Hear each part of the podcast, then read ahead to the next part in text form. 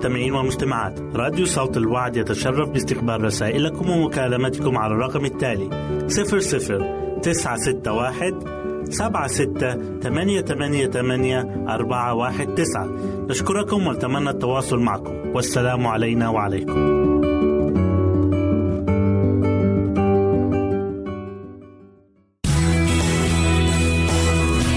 يمكنك استماع وتحميل برامجنا من موقعنا على الإنترنت. www.awr.org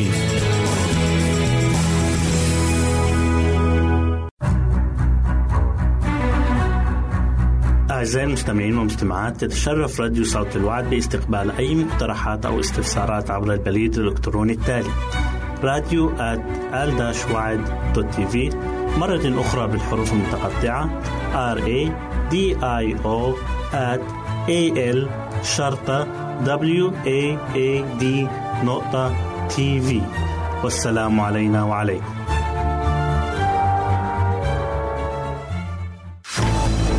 أعزائي المستمعين والمستمعات راديو صوت الوعد لا يكتفي بخدمتكم عبر الموجات الصوتية فقط بل وإنه يطرح لكم موقعا إلكترونيا يمكنكم من خلاله مشاهدة أجمل البرامج الدينية الثقافية الاجتماعية وغيرها من المواضيع الشيقة. يمكنكم زيارة الموقع من خلال العنوان التالي www.al waad.tv مرة أخرى بالحروف المتقطعة. Www.al-waad.tv والسلام علينا وعليكم.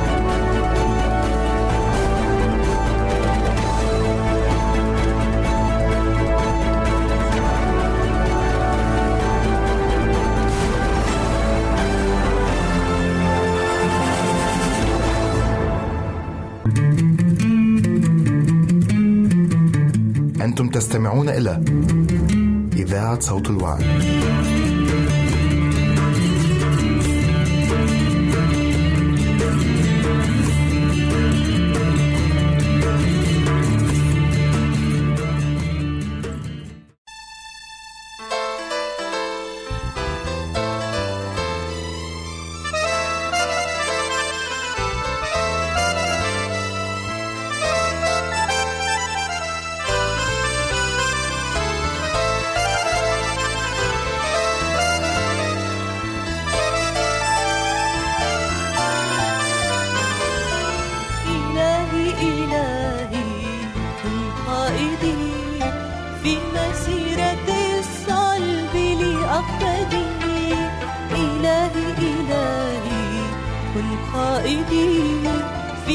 سيرة الصلب لأقتدي. أراك ضعيفا وأنت القوي تصفح وتغفر لكل معتدي. أراك ضعيفا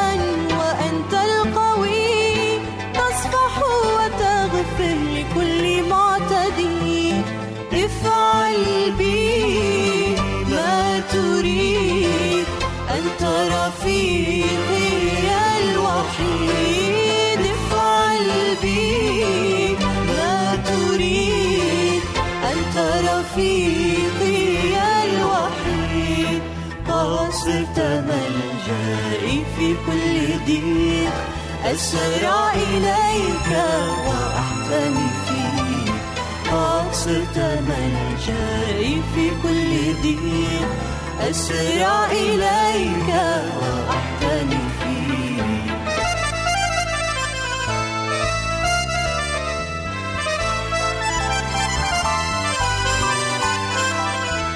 صليب العاري قد حملته. بكل فخار قد رفعته.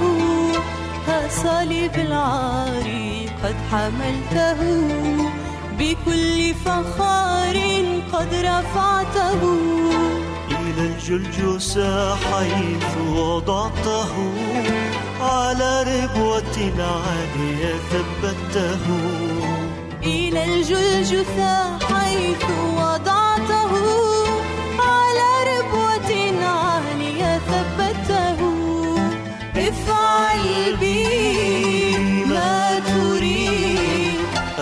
رفيقي الوحيد افعل بي.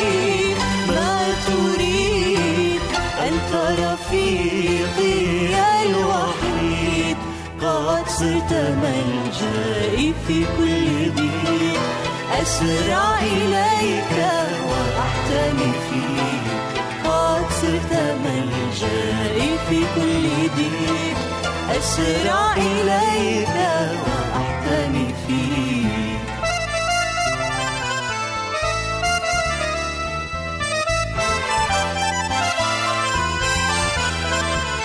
قد وضعت ذاتك على صليب العار مستسلما له بكل إصرار. قد وضعت ذاتك على صليب العار مستسلما له بكل إصرار. اسمع دقة قلبك مع دقة المسمار تعلن لي حبك يا قدوس يا بار اسمع دقة قلبك مع دقة المسمار تعلن لي حبك يا قدوس يا بار افعل بي ما تريد. أنت رفيقي الوحيد. افعل بي ما تريد الوحيد في كل ضيق أسرع إليك وأحلمي فيك. قد صرت ملجئي في كل ضيق أسرع إليك وأحتمي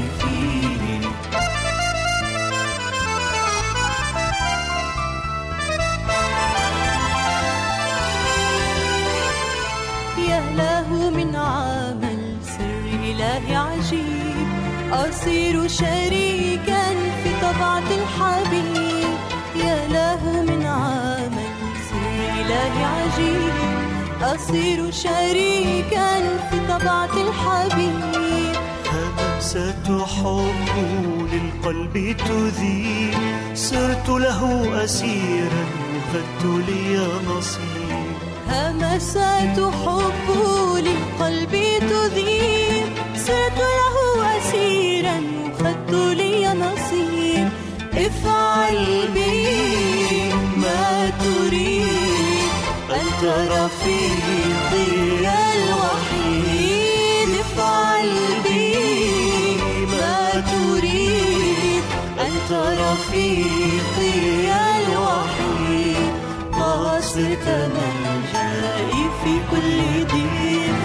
أسرع إليك وأحتمي فيك قد صرت ملجئي في كل ضيق أسرع إليك وأحتمي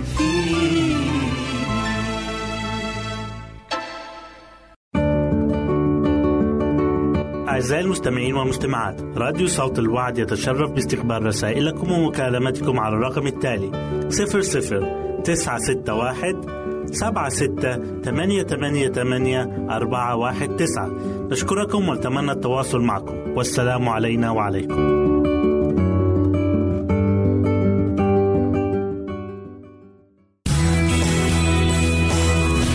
يمكنك استماع وتحميل برامجنا من موقعنا على الإنترنت www.awr.org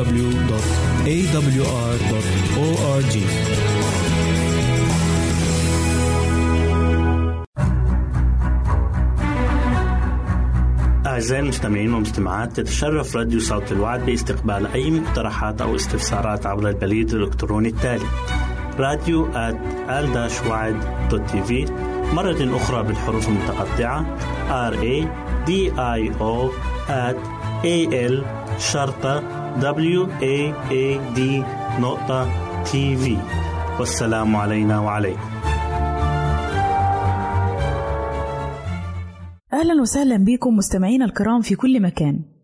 يسعدني أن أقدم لكم برنامج أطفالنا زينة حياتنا.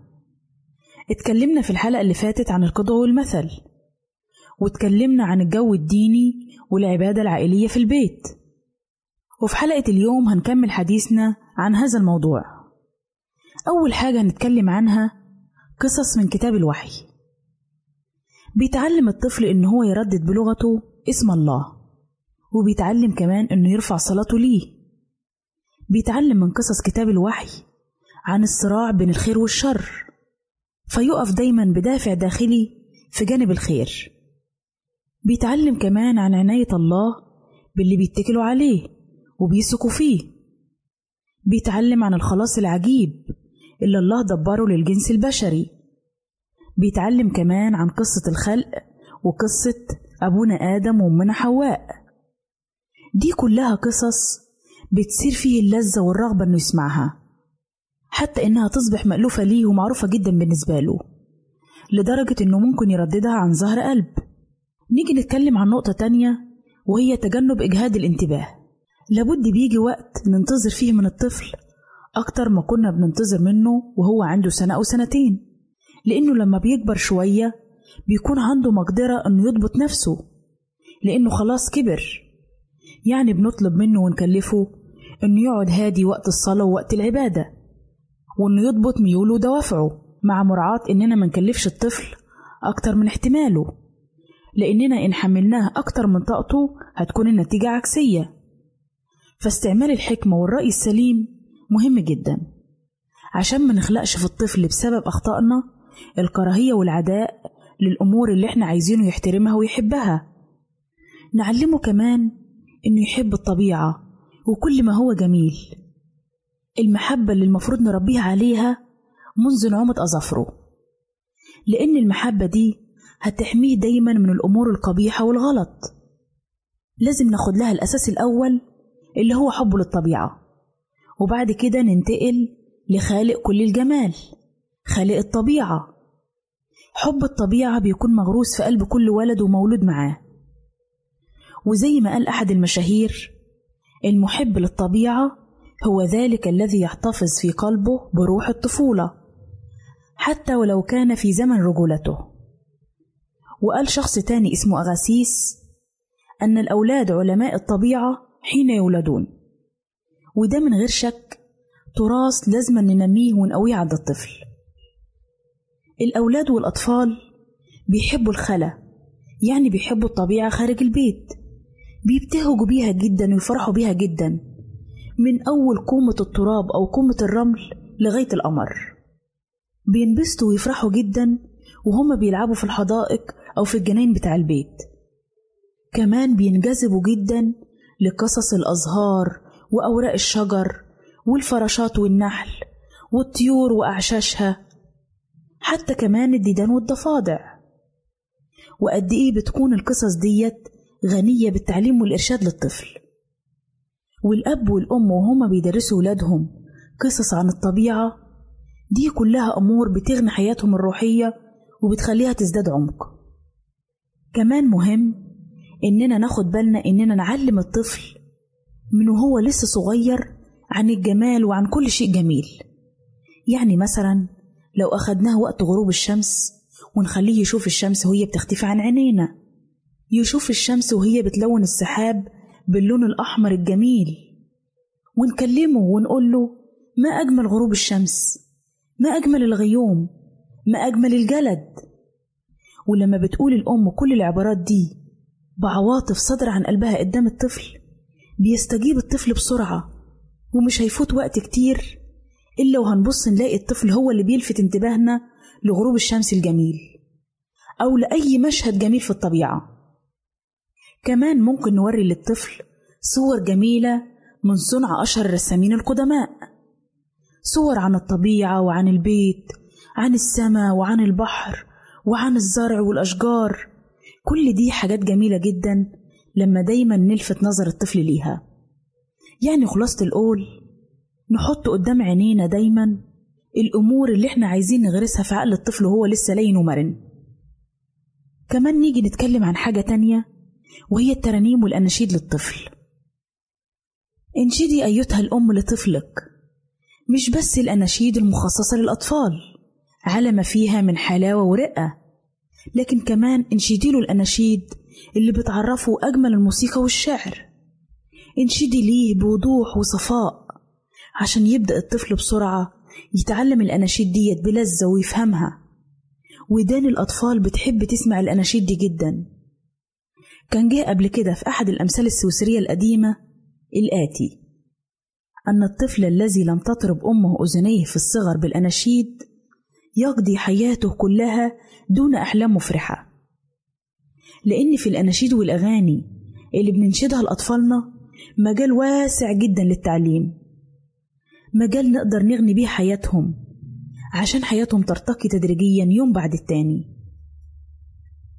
وبكده أعزائي إنكم وصلنا لنهاية برنامجنا أطفالنا زينة حياتنا. نسعد بتلقي آرائكم ومقترحاتكم وتعليقاتكم.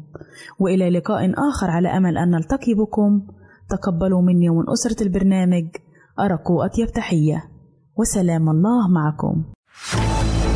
أعزائي المستمعين والمستمعات راديو صوت الوعد لا يكتفي بخدمتكم عبر الموجات الصوتية فقط بل وإنه يطرح لكم موقعا إلكترونيا يمكنكم من خلاله مشاهدة أجمل البرامج الدينية الثقافية الاجتماعية وغيرها من المواضيع الشيقة. يمكنكم زيارة الموقع من خلال العنوان التالي www.al-waad.tv مرة أخرى بالحروف المتقطعة. Www.al-waad.tv والسلام علينا وعليكم.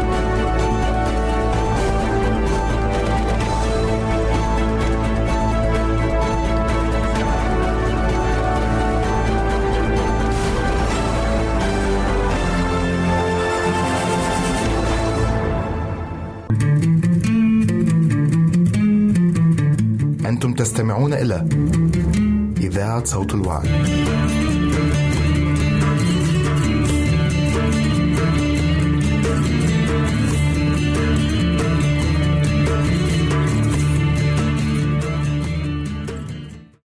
فأخذوا يسوع وعروه وألبسوه رداء قرمزيا وضفروا اكليلا من شوك ووضعوه على رأسه وكانوا يشثون له ويستهزئون به ثم نزعوا عنه الرداء ومضوا به للصلب.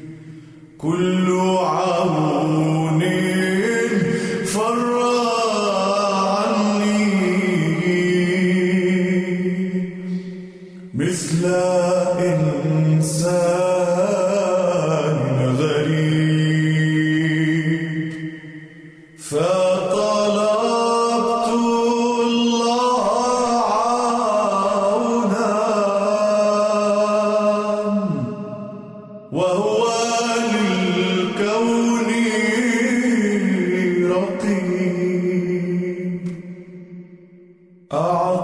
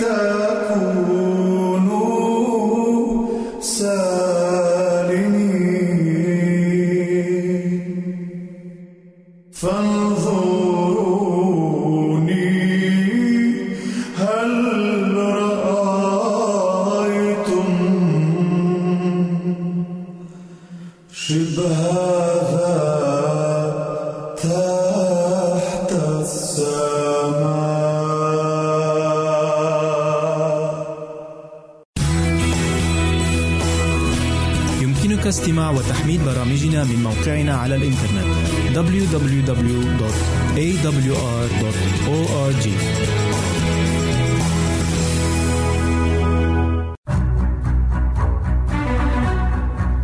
أعزائي المستمعين والمستمعات تتشرف راديو صوت الوعد باستقبال أي مقترحات أو استفسارات عبر البريد الإلكتروني التالي راديو في مرة أخرى بالحروف المتقطعة R A D I O at A L شرطة W A A D نقطة تي في والسلام علينا وعليكم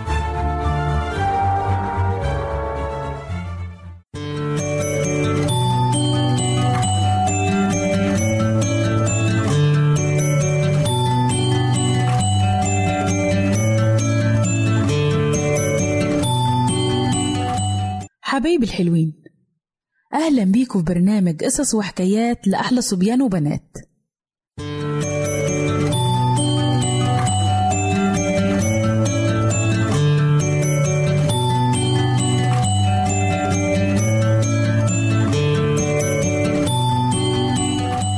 قصتنا النهاردة من الكتاب المقدس موجودة في سفر دانيال إصحاح ستة.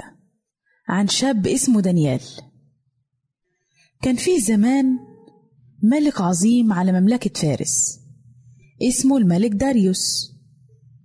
وفي يوم من الأيام قرر الملك إنه يعين 120 مرزبانا والمرزبان ده يعني زي رئيس يكونوا مسؤولين عن المملكة كلها لأنها كانت كبيرة جدا. وفوق ال 120 دول عين ثلاث وزراء يشرفوا على شغلهم.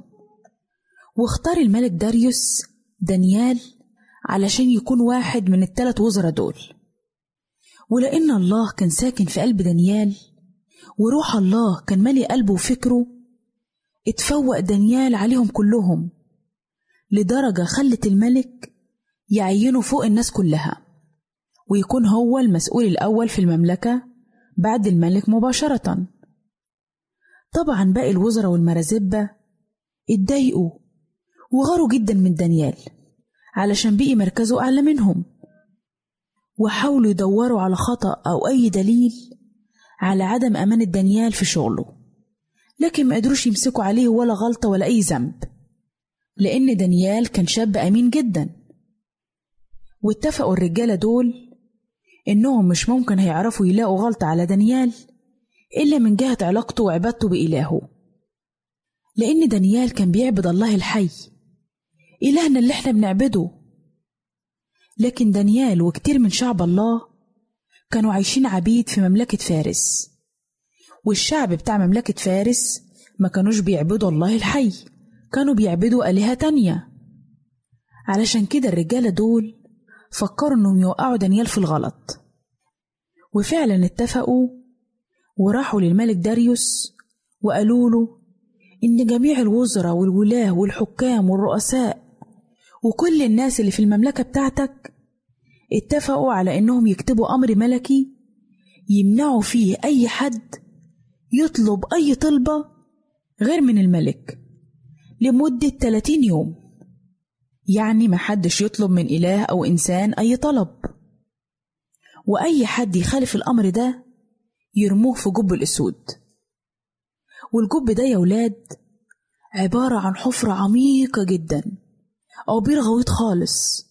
محدش يعرف يخرج أو يطلع منه أبدا.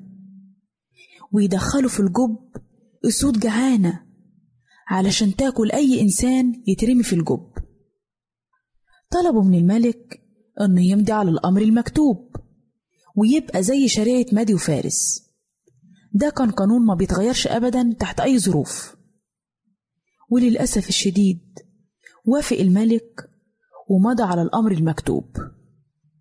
دانيال لما سمع إن الملك مضى على الأمر المكتوب راح بيته زي ما بيعمل كل يوم. طلع العلية بتاعته. العلية دي بتبقى عبارة عن أوضة في الدور التاني وليها شبابيك صغيرة. المهم إن دانيال فتح الشبابيك الصغيرة اللي كانت في الأوضة بتاعته وركع على ركبه وكان بيصلي ثلاث مرات في اليوم زي ما متعود. واجتمعوا الرجالة دول اللي عايزين يخلصوا من دانيال وشافوه وهو بيصلي لإلهه. وراحوا للملك وسألوه هو مش أنت أيها الملك العظيم؟ مضيت على أمر. تمنع إن أي واحد يطلب من إله أو إنسان لمدة 30 يوم غير منك أنت أيها الملك؟ ولو حد خالف الأمر ده هترميه في جب الأسود؟ فرد الملك وقال لهم آه الأمر صحيح. راحوا ردوا وقالوا للملك إن دانيال اللي من بني سبي يهوذا يعني من العبيد اللي من اليهود ما عملكش اعتبار ولا احترم أمر النهي اللي مضيته. وبيخالفوا ثلاث مرات كل يوم وبيروح يطلب من إلهه. الملك اتغاظ جدا لكن مش من دانيال اتغاظ من نفسه علشان عمل الأمر ده. وحاول الملك بكل جهده إنه ينقذ دانيال من الحكم. لكن جاله الرجالة تاني وقالوا له اعرف أيها الملك إن شريعة مادي وفارس هي إن كل أمر أو نهي بيحطه الملك ما يتغيرش. وفي النهاية أمر الملك إنهم يجيبوا دانيال ويرموه في جب الأسود. وقال الملك لدانيال وهو حزين جدا أنا عارف إلهك اللي أنت بتعبده يا دانيال هينجيك. وجابوا حجر وحطوه على وش الجب. وختموا الملك ومضى عليه. وكمان العظماء اللي في المملكة هم كمان مضوا عليه. علشان مفيش أي حد يتدخل في اللي هيحصل لدانيال. رجع الملك لقصره. وقعد طول الليل صايم. ومش قادر ينام. وحزين وزعلان جدا. ومن كتر قلقه على دانيال راح في الفجر بسرعة على جب الأسود. وأول ما قرب نادى على دانيال بصوت حزين. يا دانيال يا عبد الله الحي هل إلهك اللي بتعبده دايما؟ قدر ينجيك من الأسود؟ رد عليه دانيال وقال له يا أيها الملك عيش للأبد. إلهي بعت ملاكه وقفل أفواه الأسود. وما أذتنيش ولا ضرتني. لأن الله وجدني بريء قدامه وقدامك أنت كمان أيها الملك. فرح الملك جدا لما سمع صوت دانيال. وبعد كده أمر الملك إنهم يطلعوا دانيال من جب الأسود. وما كانش فيه ولا جرح ولا خدش ولا أي حاجة لأنه آمن إن إلهه هينقذه. وكمان أمر الملك إنهم يجيبوا كل الناس اللي كانوا السبب في إن دانيال يترمي في جب الأسود ورموهم هم وولادهم وزوجاتهم. وقبل ما يوصلوا لآخر الجب هجمت عليهم الأسود وأكلوهم وما سابوش منهم ولا فتفوتة عظم من القصة دي يا ولاد نتعلم درس مهم جدا. إننا لما نعمل الصح ونتمسك بإلهنا الله قادر إن هو يحمينا من كل الشرور. مهما الناس تشتكي علينا مهما الناس يكذبوا ويدبروا في خطط لينا لكن الله هو صاحب السلطان وهو اللي يقدر ينجينا. وبكده حبايبي نكون وصلنا لنهاية قصتنا. واستنونا في قصة جديدة من برنامج قصص وحكايات لأحلى صبيان وبنات. ربنا معاكم.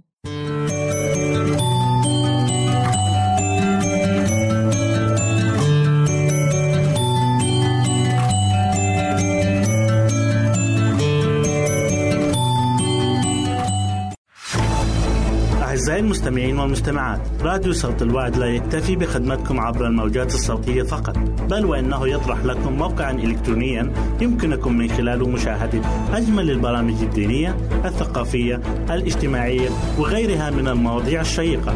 يمكنكم زيارة الموقع من خلال العنوان التالي www.al waad.tv مرة أخرى بالحروف المتقطعة www.al-waad.tv والسلام علينا وعليكم.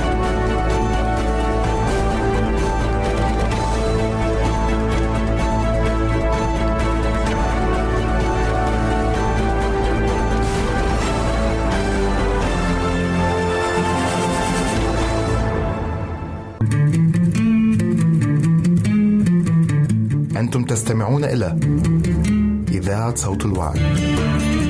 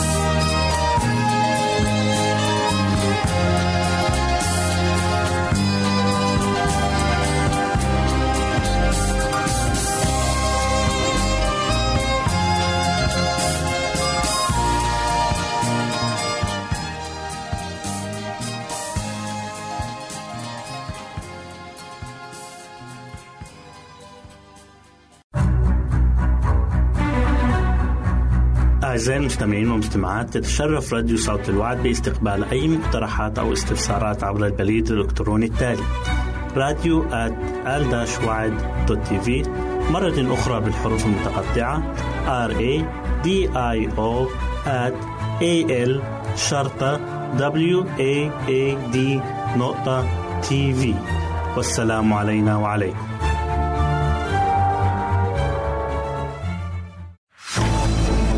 أعزائي المستمعين والمستمعات راديو صوت الوعد لا يكتفي بخدمتكم عبر الموجات الصوتية فقط بل وإنه يطرح لكم موقعا إلكترونيا يمكنكم من خلاله مشاهدة أجمل البرامج الدينية الثقافية الاجتماعية وغيرها من المواضيع الشيقة. يمكنكم زيارة الموقع من خلال العنوان التالي www.al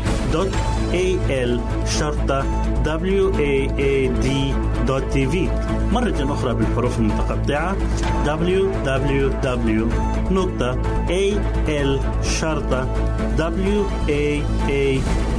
www.al-waad.tv والسلام علينا وعليكم.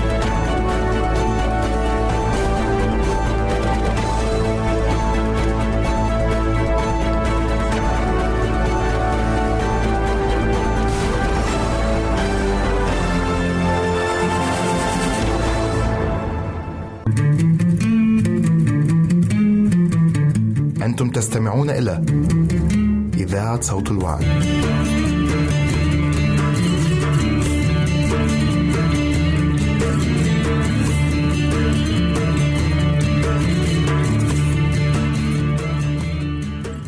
مستمعينا الكرام نرحب بكم في هذه الحلقة الجديدة من برنامجكم العائلي بيتي جنتي وهي بعنوان كن مدير نفسك هل تجدين نفسك أحيانا مضطرة لأن تتدخلي في كافة التفاصيل الخاصة بأولادك فتملي عليهم حتى نوع الألعاب التي يلعبونها وطريقة لعبها.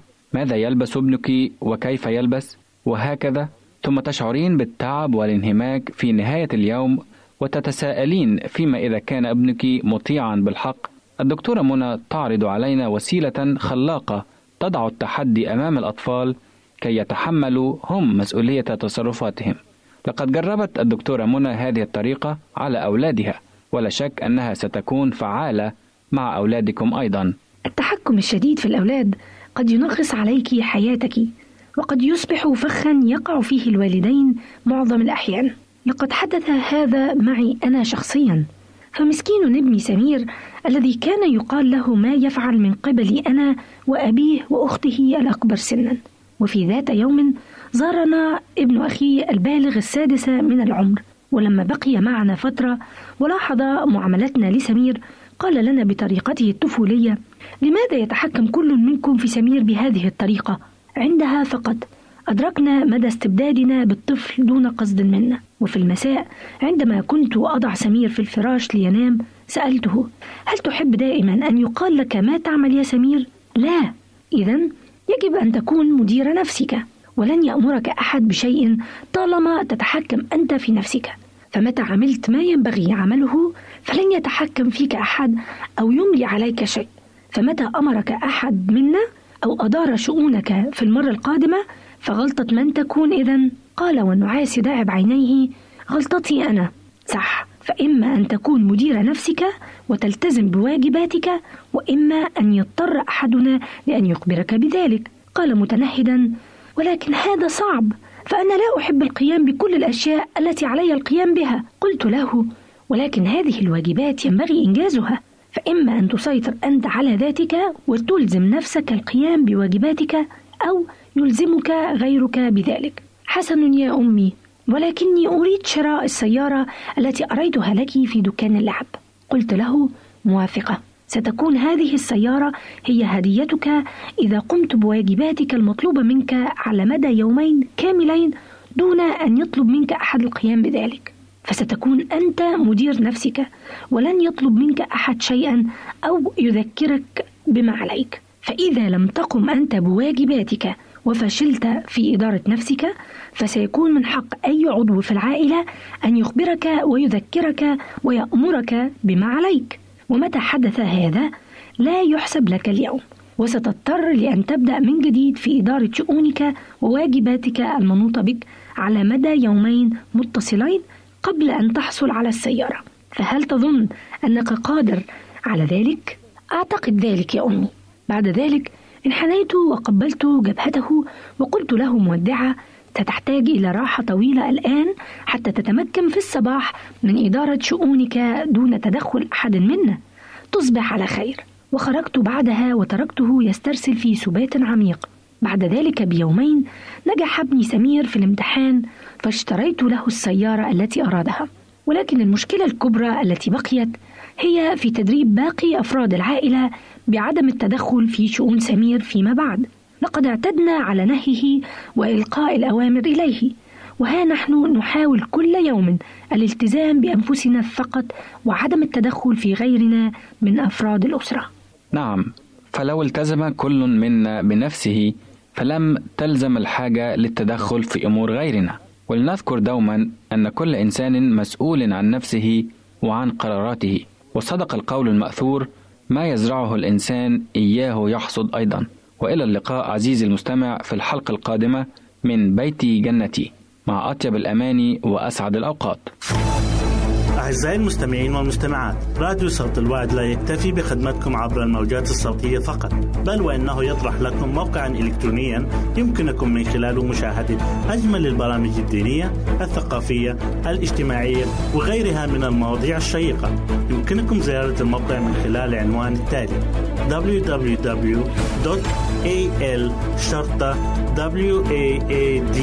www.al-waad.tv مرة أخرى بالحروف المتقطعة.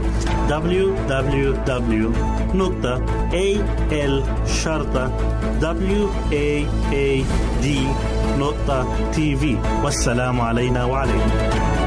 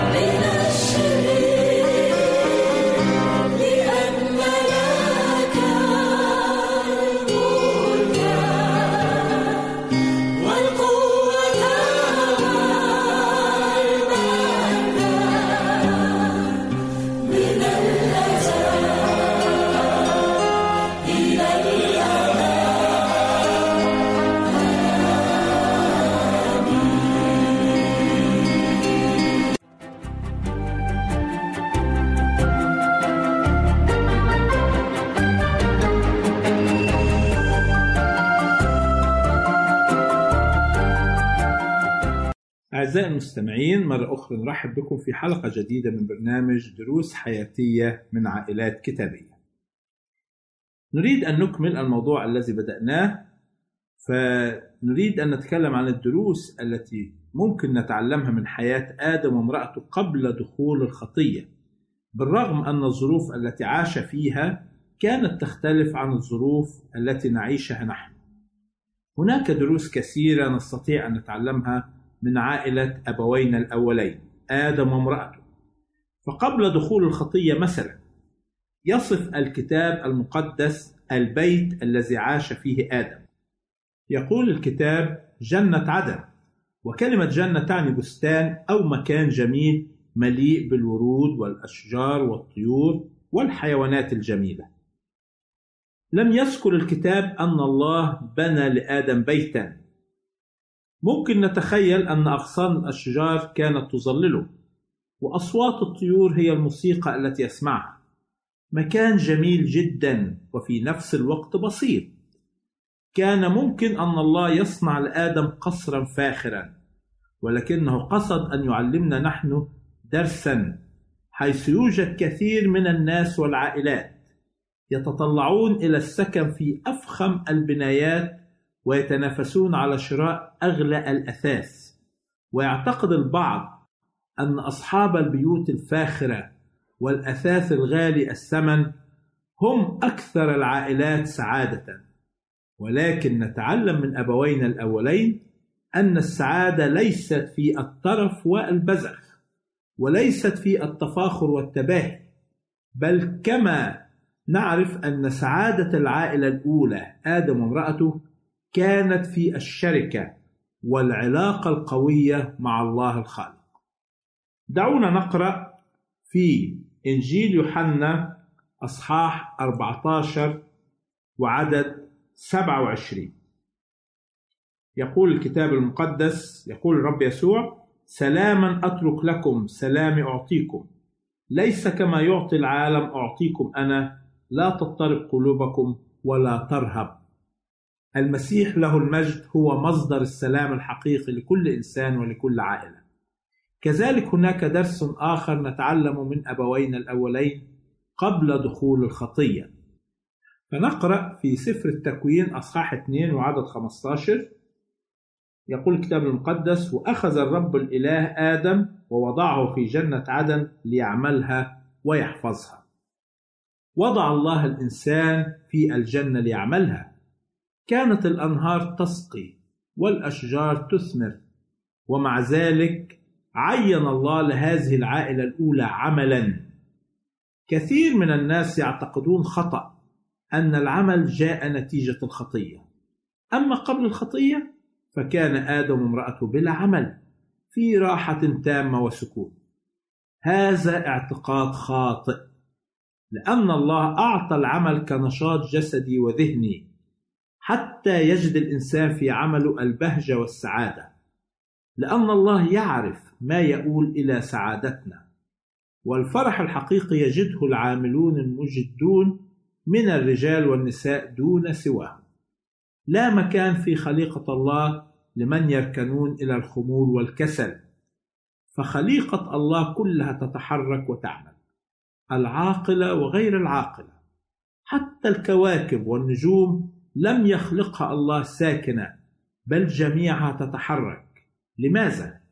لأن هذه هي طبيعة الله. دعونا نقرأ في إنجيل يوحنا أصحاح خمسة والعدد 17 تقول كلمة الرب فأجابهم يسوع أبي يعمل حتى الآن وأنا أعمل. يمكن البعض يظن أن العمل أعطي فقط للإنسان لكي يتكسب منه ويعيش. وبالتالي لا يحتاج الغني إلى العمل طالما عنده ما يكفيه. لو كان هذا صحيحا فإن أغنى إنسان عاش على الأرض كان أبونا آدم حيث أعطاها الله السيادة على كل الأرض. ومع ذلك أعطاه أيضا ليعمل. العمل هو بركة للإنسان ومصدر سعادة لكلا الرجل والمرأة. لكن نلاحظ أن الآية التي قرأناها في تكوين 2 وعدد 15 أن الله أعطى آدم أن يعمل وليس حواء. فهل المرأة لها دور في العمل أم لا؟ كما قلنا أن الكتاب المقدس يعلمنا أن الله يعمل. ولو توقف الله عن العمل لتوقف الكون كله وتوقفت الحياة كلها أيضا. لذلك أعطى الله لكل مخلوقاته أن تعمل. وفي الآية التي في تكوين لم يذكر اسم حواء لأن آدم دعا اسم امرأته حواء بعد السقوط في الخطية. ولكن في جنة عدن لا نسمع إلا اسم آدم لأن كلاهما الرجل والمرأة قبل السقوط كان اسمهما آدم. فعندما ينادى الله على آدم فهو يخاطب الرجل والمرأة. وهذا يظهر قوة الصلة والترابط بين الرجل والمرأة قبل السقوط حيث كان يحملان اسما واحدا. لذلك كل ما يختص بآدم هو يعني الرجل والمرأة معا. الكتاب المقدس يشجع الزوجة أو المرأة على العمل وفي بعض الأحيان يكون لها دور لا يقل أهمية عن الرجل بل قد يزيد في بعض الأحيان. حيث نقرأ في سفر الأمثال أصحاح 31 يتكلم عن المرأة الفاضلة من يجدها كيف أنها تعمل كيف أنها تهتم بأهل بيتها كيف أنها تهتم بفتياتها كيف أن زوجها يطمئن لها؟ هنا يتكلم عن المرأة الفاضلة. وكل هذه الآيات تؤكد على أهمية دور الزوجة أو المرأة في العمل. أعزائي المستمعين سعدت أن أكون معكم في هذه الحلقة وحتى نلقاكم في حلقة أخرى. لكم ألف تحية وبركات السماء تكون معكم وتصحب. نرجو التواصل معنا عبر هذه العناوين. للتشات www.al-waad.tv وللرسائل radio at al-waad.tv